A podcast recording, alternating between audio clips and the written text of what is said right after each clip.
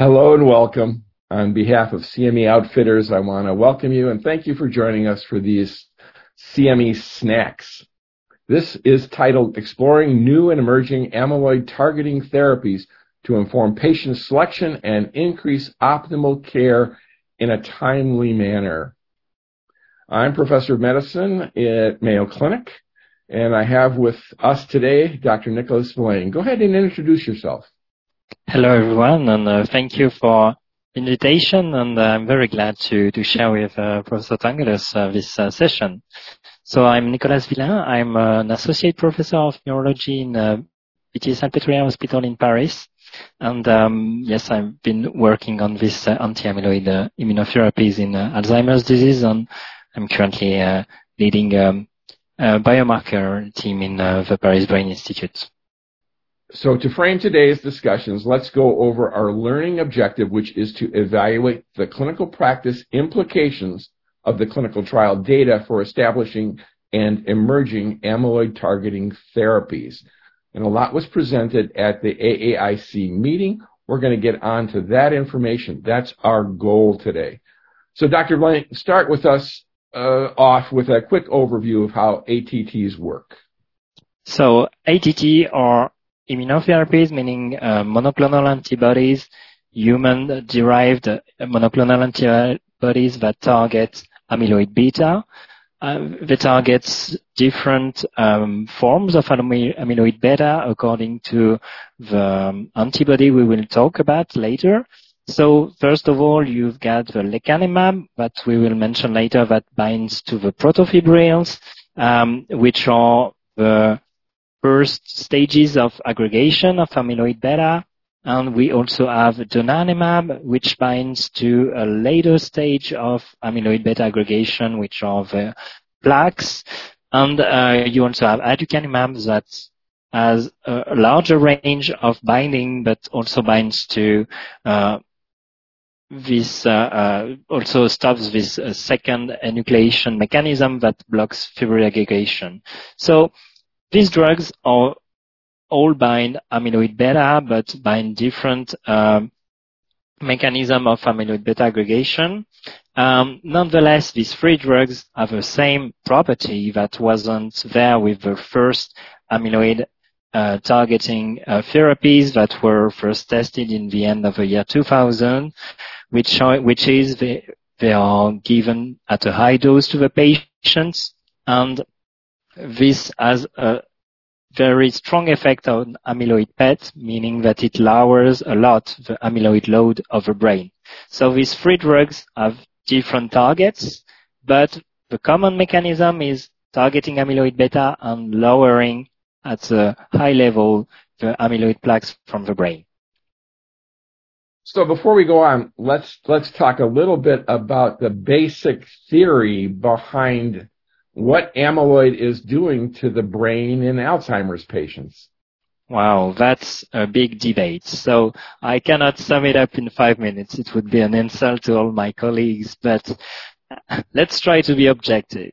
The main uh, biological hypothesis and the most solid we have for the moment in Alzheimer's is the amyloid cascade hypothesis, which predicts that everything starts from amyloid peptide that then induces tau pathology and neurodegeneration and then turns to symptoms.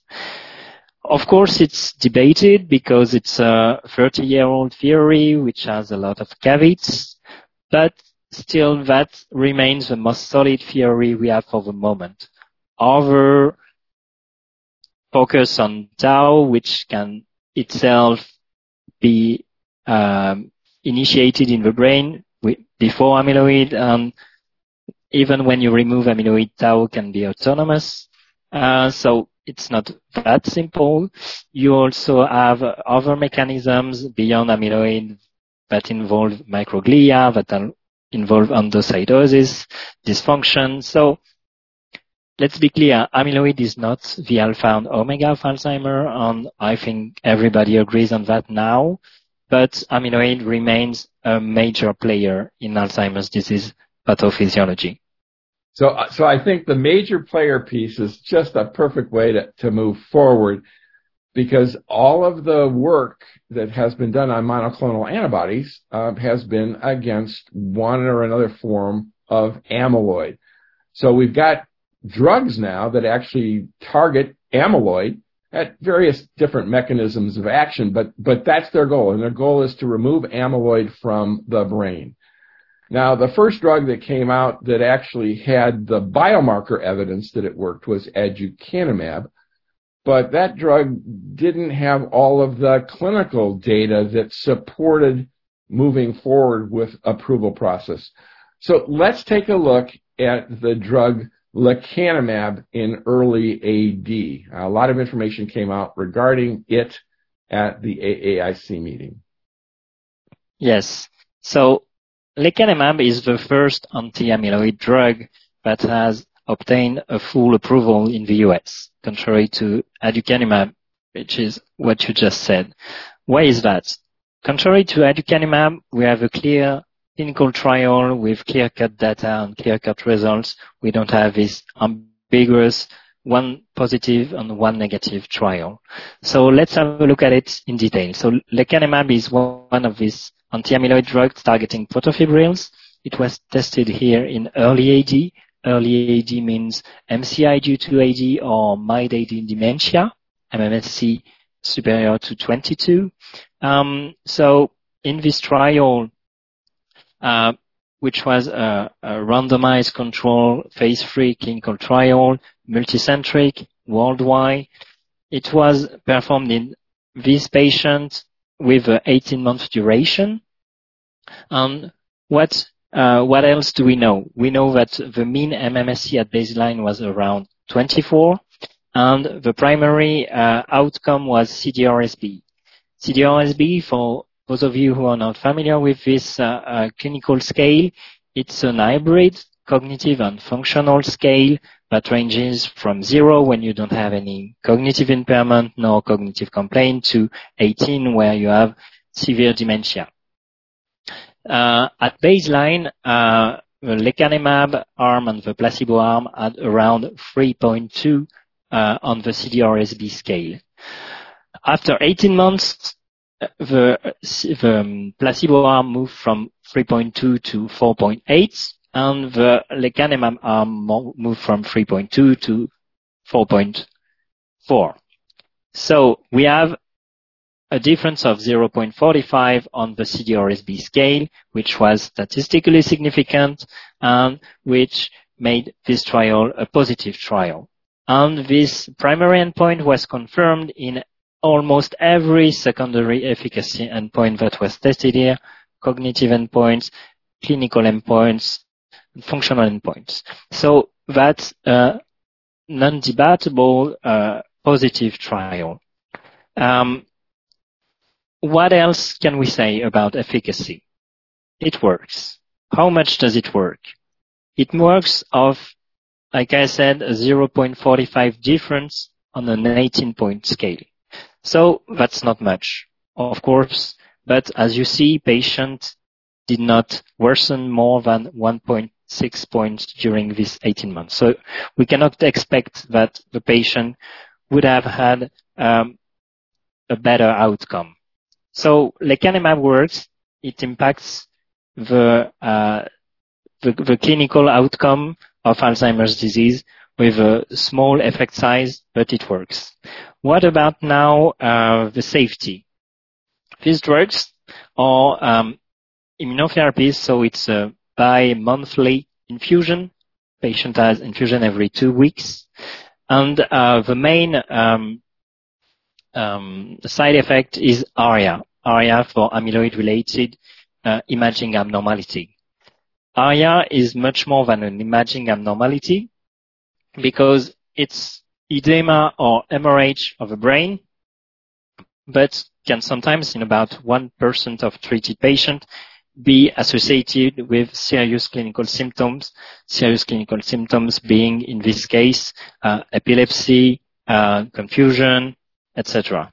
So that's what we see um, in um, in this graph. So about 12% of patients treated by aducanumab had uh, an edema of the brain versus 1.7% in the placebo arm. so that's consistent with what we know with this class of drug. And the serious adverse events were higher in the lecanemab arm uh, versus the placebo arm, and about 1% of uh, ARIA were associated with serious adverse events. So these are the main reasons of this drug. So that's the first in class uh, positive trial of an anti-amyloid drug in Alzheimer's disease, and that's really a breakthrough. But the effect size of a clinical effect remains small for the moment, and we have to discuss the risk-benefit ratio because of this um, serious adverse event that can happen in patients. So we'll get on to our second drug in just a second. But um, again, uh, the drugs that have been so far successful have really cleared amyloid out of the brain. That's one. And then secondly, they've got these clinical endpoints. The one that we focused on here was the uh, CDR, sum of the boxes. But they did meet a lot of secondary endpoints as well, which gave us all a very good feeling for how these drugs might play out as we go forward. Now, the other thing to remember here is that this drug and the next one, both of them are for early AD or MCI of AD. So let's go to the next discussion. This was a lot of information that came out at the AAIC on donanemab, which we expect to have full FDA approval probably by the end of the year. Go ahead. Yeah, so donanemab is a cousin of uh, lecanemab, and the trial design is quite similar. It's about the same population, early AD, um, which means uh, biomarker-proven Alzheimer's disease, and early stage. Um, there are a bit of some differences between the trial that needs to be highlighted because it's important. First of all, the main difference is the use of tau PET in the donanemab design. It wasn't used in the lecanemab trial. The lecanemab trial only used amyloid PET or biomarker from the CSF. Here in Trailblazer ALZ 2, they used both amyloid and tau PET for patient selection and they selected not all patients who were positive with a tau PET, but only patients with a low to medium tau level on the tau PET. So high level tau was excluded. So it's not exactly the same population as lecanemab. This, in addition, they also enlarged the range of uh, clinical severity because the minimal MMSE score was 20 versus 22 for lecanemab. So we have similarities, but the the patient or uh, and the selection are a bit different, and this this will be important in case of approval because, of course, approval will mostly uh, copy paste the inclusion criteria. So maybe this drug will imply that approval will also come with the use of tau PET in clinical practice before the drug can be given to a patient. So once we've said that, what kind of results do we see? It's still an 18-month trial like uh, Clarity AD, so it's still a multicentric uh, phase 3 randomized control trial, same design, same duration. The primary endpoint was IADRS, which is a, hybrid scale again. Lilly, uh, the sponsor of this drug, um, it's uh, they, they designed this scale a few years ago, and it's uh, like CDRSB, a mix of cognitive scale and functional scale. Uh, the CDR, the primary endpoint was positive, meaning that it's um, AI, sorry, uh, is a 144 point scale, and uh, the patient, the placebo arm, lost about uh, nine points of uh, AIDRS during um, the 18 months of the trial, whereas the placebo lost about six, uh, 5.5 uh, points on this scale. So that's a 3.2 point difference on this uh, 144 uh, uh, clinical scale. The other primary secondary endpoint was CDR-SB, and there were multiple other secondary endpoints. And again, like lecanemab, the trial was positive on every secondary endpoint. And we have a quite similar thing that we saw on lecanemab, which is the placebo group worsened by about 1.8 point on CDR-SB during the 18 months and the uh, treated group at about 1.2 points on the uh, CDR-SB during the 18 months, and the difference was 0.67 uh, on the CDR-SB, which you can compare to the 0.45 point on the CDR-SB with lecanemab. So we have positive trial on both primary and secondary endpoints with a maybe a larger magnitude of effects than lecanemab, but it's difficult to compare them directly since the population was not exactly the same. And again, uh, we have a, similar problem as lecanemab, which are the uh, adverse events. Again, it's the same adverse event. It's ARIA, it's edema and hemorrhage of the brain. So we have um, 24% of uh, patients who had an, an ARIA, which is twice what we saw in lecanemab, but also the placebo group had a higher range, higher rate of uh, ARIA. So probably the way of measuring ARIA was not similar between the two trials. Anyway, it's one patient uh, of the four who had uh, um, ARIA during this trial, and three patients died from this ARIA during uh, the the core trial. So that's important to, to underline that not only um, ARIA was serious but could lead to death in this trial. That was not the case in lecanemab. Three deaths occurred, but in the open label extension of the trial. Here in the core trial, we observed three deaths. So again, we have a, significant and uh, undisputable uh, positive uh, phase three randomized control trial of an anti-amyloid therapy in Alzheimer's disease, and that's really a breakthrough, a big news again, the magnitude of, and the size effect is not magical, and there are uh, serious adverse events that we need to be careful. So that's really a revolution of Alzheimer's disease. Now we have potentially disease-modifying therapy with these drugs, but we have to be very careful as physicians when we prescribe them. We have to select the patient so that we lower the risk and we increase the probability that the patient will benefit more of the drug.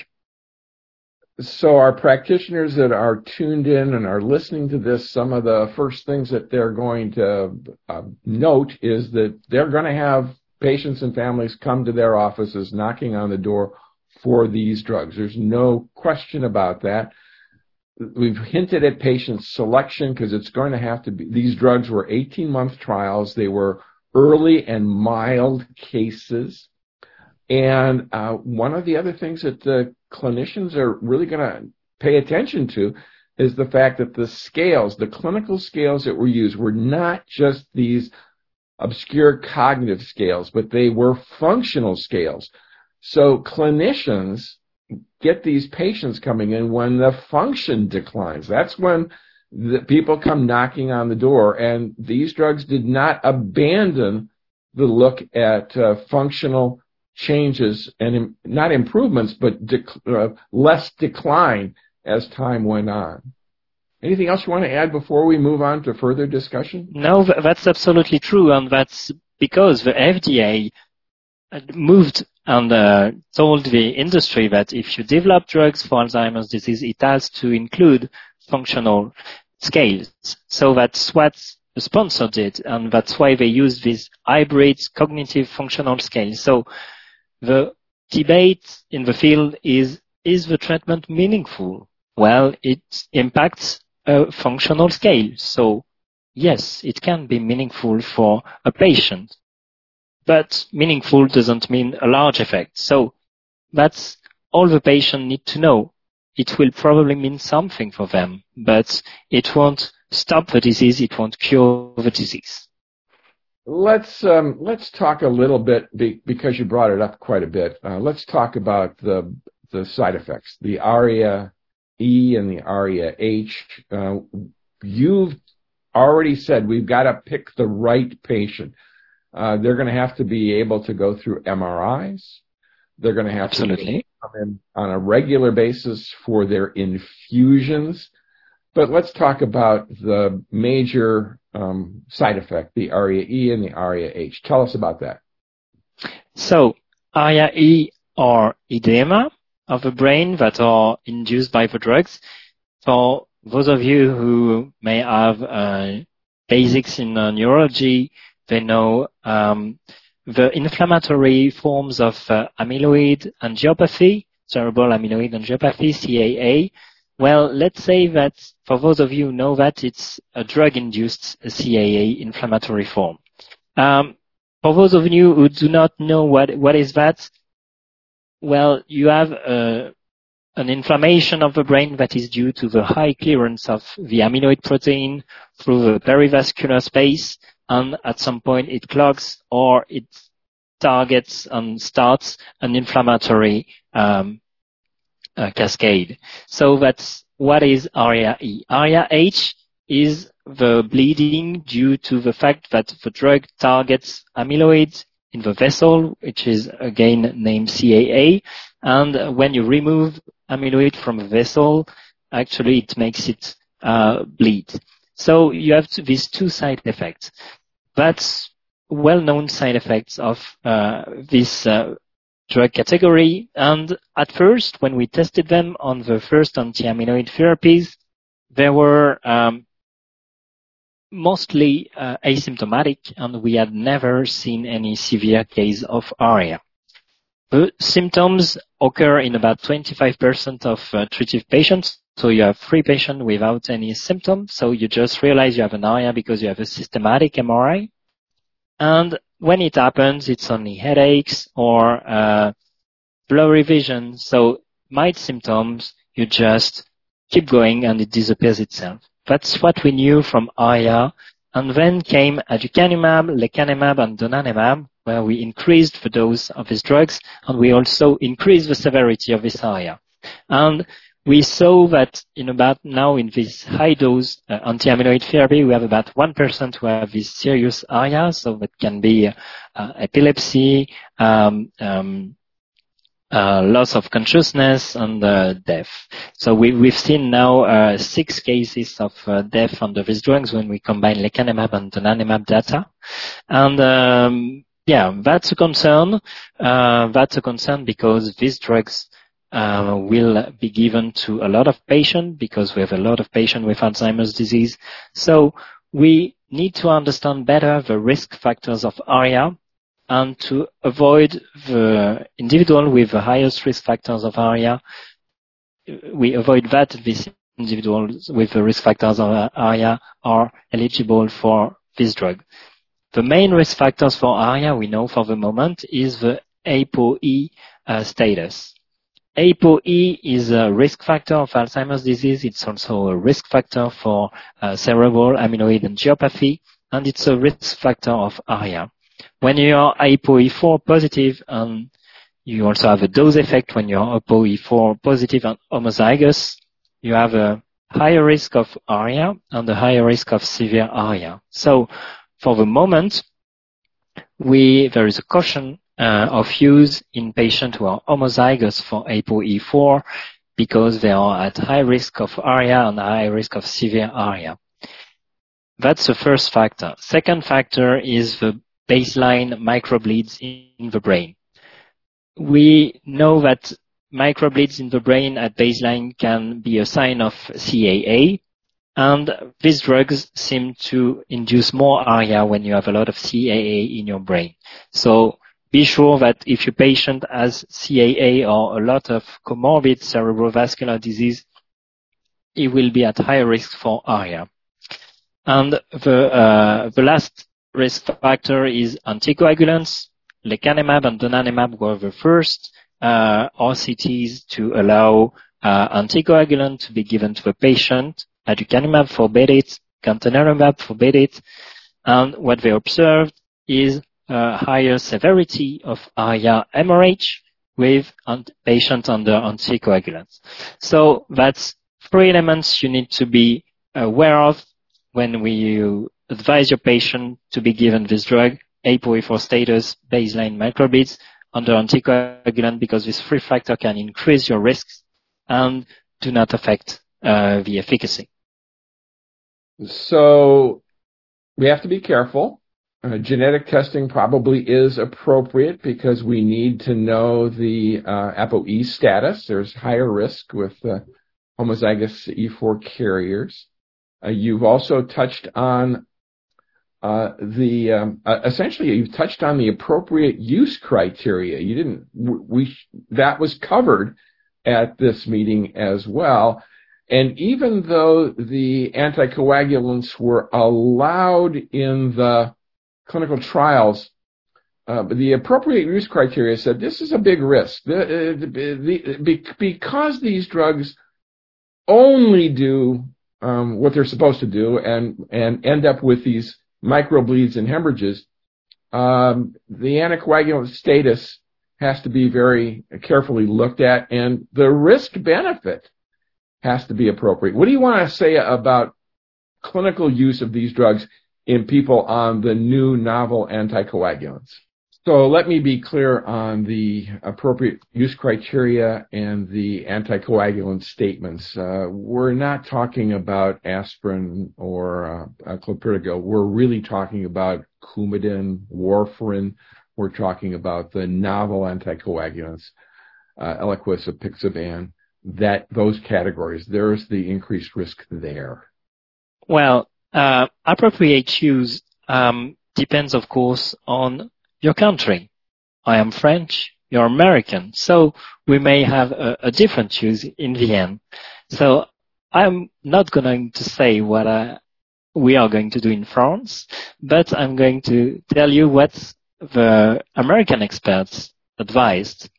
So what the American experts advised is, of course, to start from the inclusion and exclusion criteria of lecanemab trial because of course, we wouldn't know what we are doing um, in patients out of this criteria. So you really need to focus on the, the stages of Alzheimer's disease that were tested in this trial that were we underlined earlier. So mild AD, dementia, or MCI. Not more than MMSE 22 unless MMSE is also uh, a test that can be influenced by other parameters, but it gives you an idea of the severity of a patient. So early symptomatic Alzheimer's. Well, as the committee said, and contrary to what is written in the FDA notice, you have to be careful of the cerebrovascular pathology and uh, before your patient is on this drug. Then you also need to have a positive biomarker that proves that the patient does have amyloid, is not amnestic because of another neurodegenerative disease without amyloid. So you need either to have an amyloid PET or CSF analysis uh, with uh, amyloid biomarkers. And of course, you you need to have a care partner to help you with um, and can report any changes that could reflect an ARIA, a symptomatic or an asymptomatic ARIA, because it can give you confusion, delirium. So uh, these are the um, inclusion criteria. Regarding the exclusion criteria, of course, we need to be careful about the ApoE status. Interestingly, the Veteran Affairs in the US decided not to cover lecanemab for ApoE4 homozygous whereas the appropriate use recommendation just mentioned a warning about ApoE4 homozygous like does the FDA notice. So we have a different uh, interpretation of the same results here. Um, so uh, you have to be careful about that. You have to be careful about the cerebrovascular. And you, uh, of course, need to inform your patient that it's a monthly infusion for donanemab bi-monthly infusion, uh, bi-weekly, uh, for, for lecanemab twi- twice a month and once a month. Uh, so that's, you need to be committed. And, uh, of course, um, your anticoagulant that we mentioned and the, the, the expert committee of the US really contradicts it. The FDA notice says it's a simple warning you can prescribe it. We do not uh, contraindicate it. So, you know, it's um, medicine. So sometimes the, the line is not clear cut. Um, to be honest, we don't have a lot of data regarding uh, anticoagulant for the moment. Uh, about 8% um, in the lecanemab trial were under anticoagulant, so we mostly rely on a, on a few data sets. That's why the FDA was um, a bit more elusive about uh, draw, drawing a, black line on uh, this. Um, so that's mainly what you need to know and to tell to your patient. So it will slow down Alzheimer's disease for at least the early stages. We don't know after that. It has some drawbacks, some side effects, but it's the best drug we've ever seen for the moment. So it's up to you now. Yeah, I, I, I certainly don't want to scare off our prescribers. Um, again, I have to uh, be, be careful when I say that these are safe drugs because essentially they're monoclonals and the only thing they do is impact the amyloid as far as the biomarker, the, the tau being another degenerative biomarker that was used in the one study.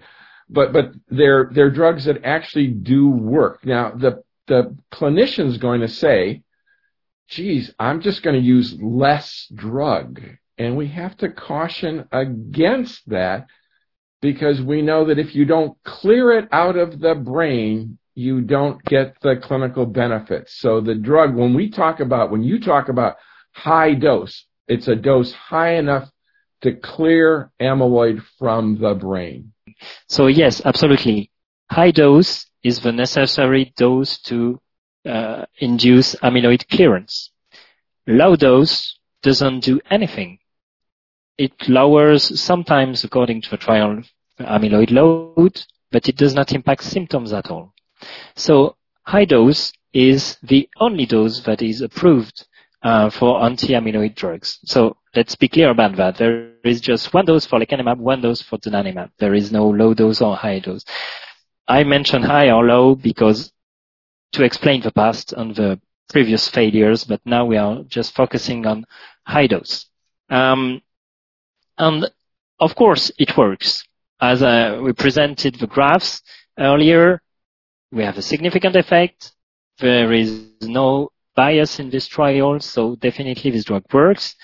They, they work better and above the anti-cholinesterase inhibitors than we that we previously had because about 50% of the patients in this trial were under these drugs. So it works on the top of that. It works on a different mechanism. And yes, you can combine these drugs and you will have a higher effect than the previously established drug. My comment is meant for the geriatricians who like low dose. Older patients, the mantra is always low dose. And in this situation, there is, as you point out, one dose. And so yes. that's, that's the take home message there. Before I let you go, um, there's a couple more things I'd like to cover. These trials went 18 months. There were a number of presentations that uh, created a longer term trajectory. So again, our clinicians are going to go, what happens after 18 months? One, does amyloid reaccumulate? And two, after 18 months, am I actually done with therapy? Uh, that's the end of it. Can you comment? Absolutely. And that's an actual question mark. We don't really know how it works after 18 months. We have a lot of um, expectations. We also have a lot of guesses, and we don't know for the moment. So let's focus on this analysis that uh, we performed with uh, Laszlo Racked from Lilly Company, and we presented at AAIC together. Uh, it tried to model different long-term scenarios of the, the, the trials that we've seen he did not present data from donanemab because they were presented during the Congress, so he could not anticipate the poster, of course. So we only have the aducanumab and the lecanemab on the right-hand side. So in the the not dotted line, um, um, is um, the clinical trajectory of a normal patient with Alzheimer's disease, and you see it's the CDR sum of boxes scale, so it's similar to the graph we've seen before, but with a larger time window. See, a patient, it takes him about 18 years of duration when the first amyloid lesion appear and when it reaches the stages of severe dementia. 18 years and we only have 18 months. So it's a limited time window. So we tried to imagine what it could be. So if the drugs are actual disease modifier, if they actually change the course of a disease, then the benefits could be huge. Could be 20 to 30 percent of difference in uh, evolution of Alzheimer's disease, which would be wow, some amazing results. That's one scenario. The other scenario is that it works as a disease modifier, but only on this stage of the disease, and after that, tau pathology becomes autonomous, and the clinical worsening keeps again its natural course. So in that case, you would only have a small benefit of a drug which would be a few months on an 18 month, uh, an 18 year duration of a disease. So that's really unknown for the moment which scenario will take place. And of course, we ask for more trials and the company is starting new trials to, to see how it works after 18 months. But for the moment, we have to say that it's a question mark and we can only make guesses. And in this regard, I would like to underline that maybe donanemab is an interesting option. Why is that? Because donanemab design was a monthly infusion and you stop the drug once your amyloid is fully cleared from your brain that you measure with amyloid PETs. So that's an easy way to prescribe the drug. You give it and then when amyloid is out, you stop it and you give a new shot when it starts again. But that's simple, so we don't have to worry about um, the long-term effect of the drug since the drug will be stopped. Lecanemab is more complicated because it wasn't planned that you have to stop the drug. So people were testing this trial with um, with an infusion every two weeks. So how long should we keep giving this infusion? Eight years, 10 years, 18 years? We really don't know.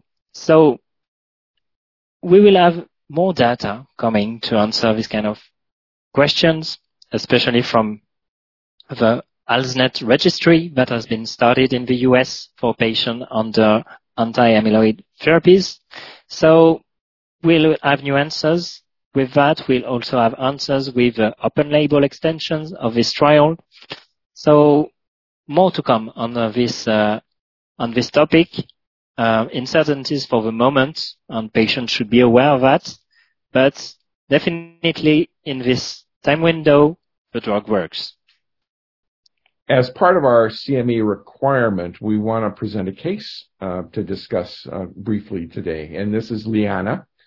And this is the second patient I've encountered this week who actually had trouble with her GPS device. It's it's it's a new phenomenon uh, to be be certain. But this is a 60 year old female who presents to neurology by her PCP uh, in referral.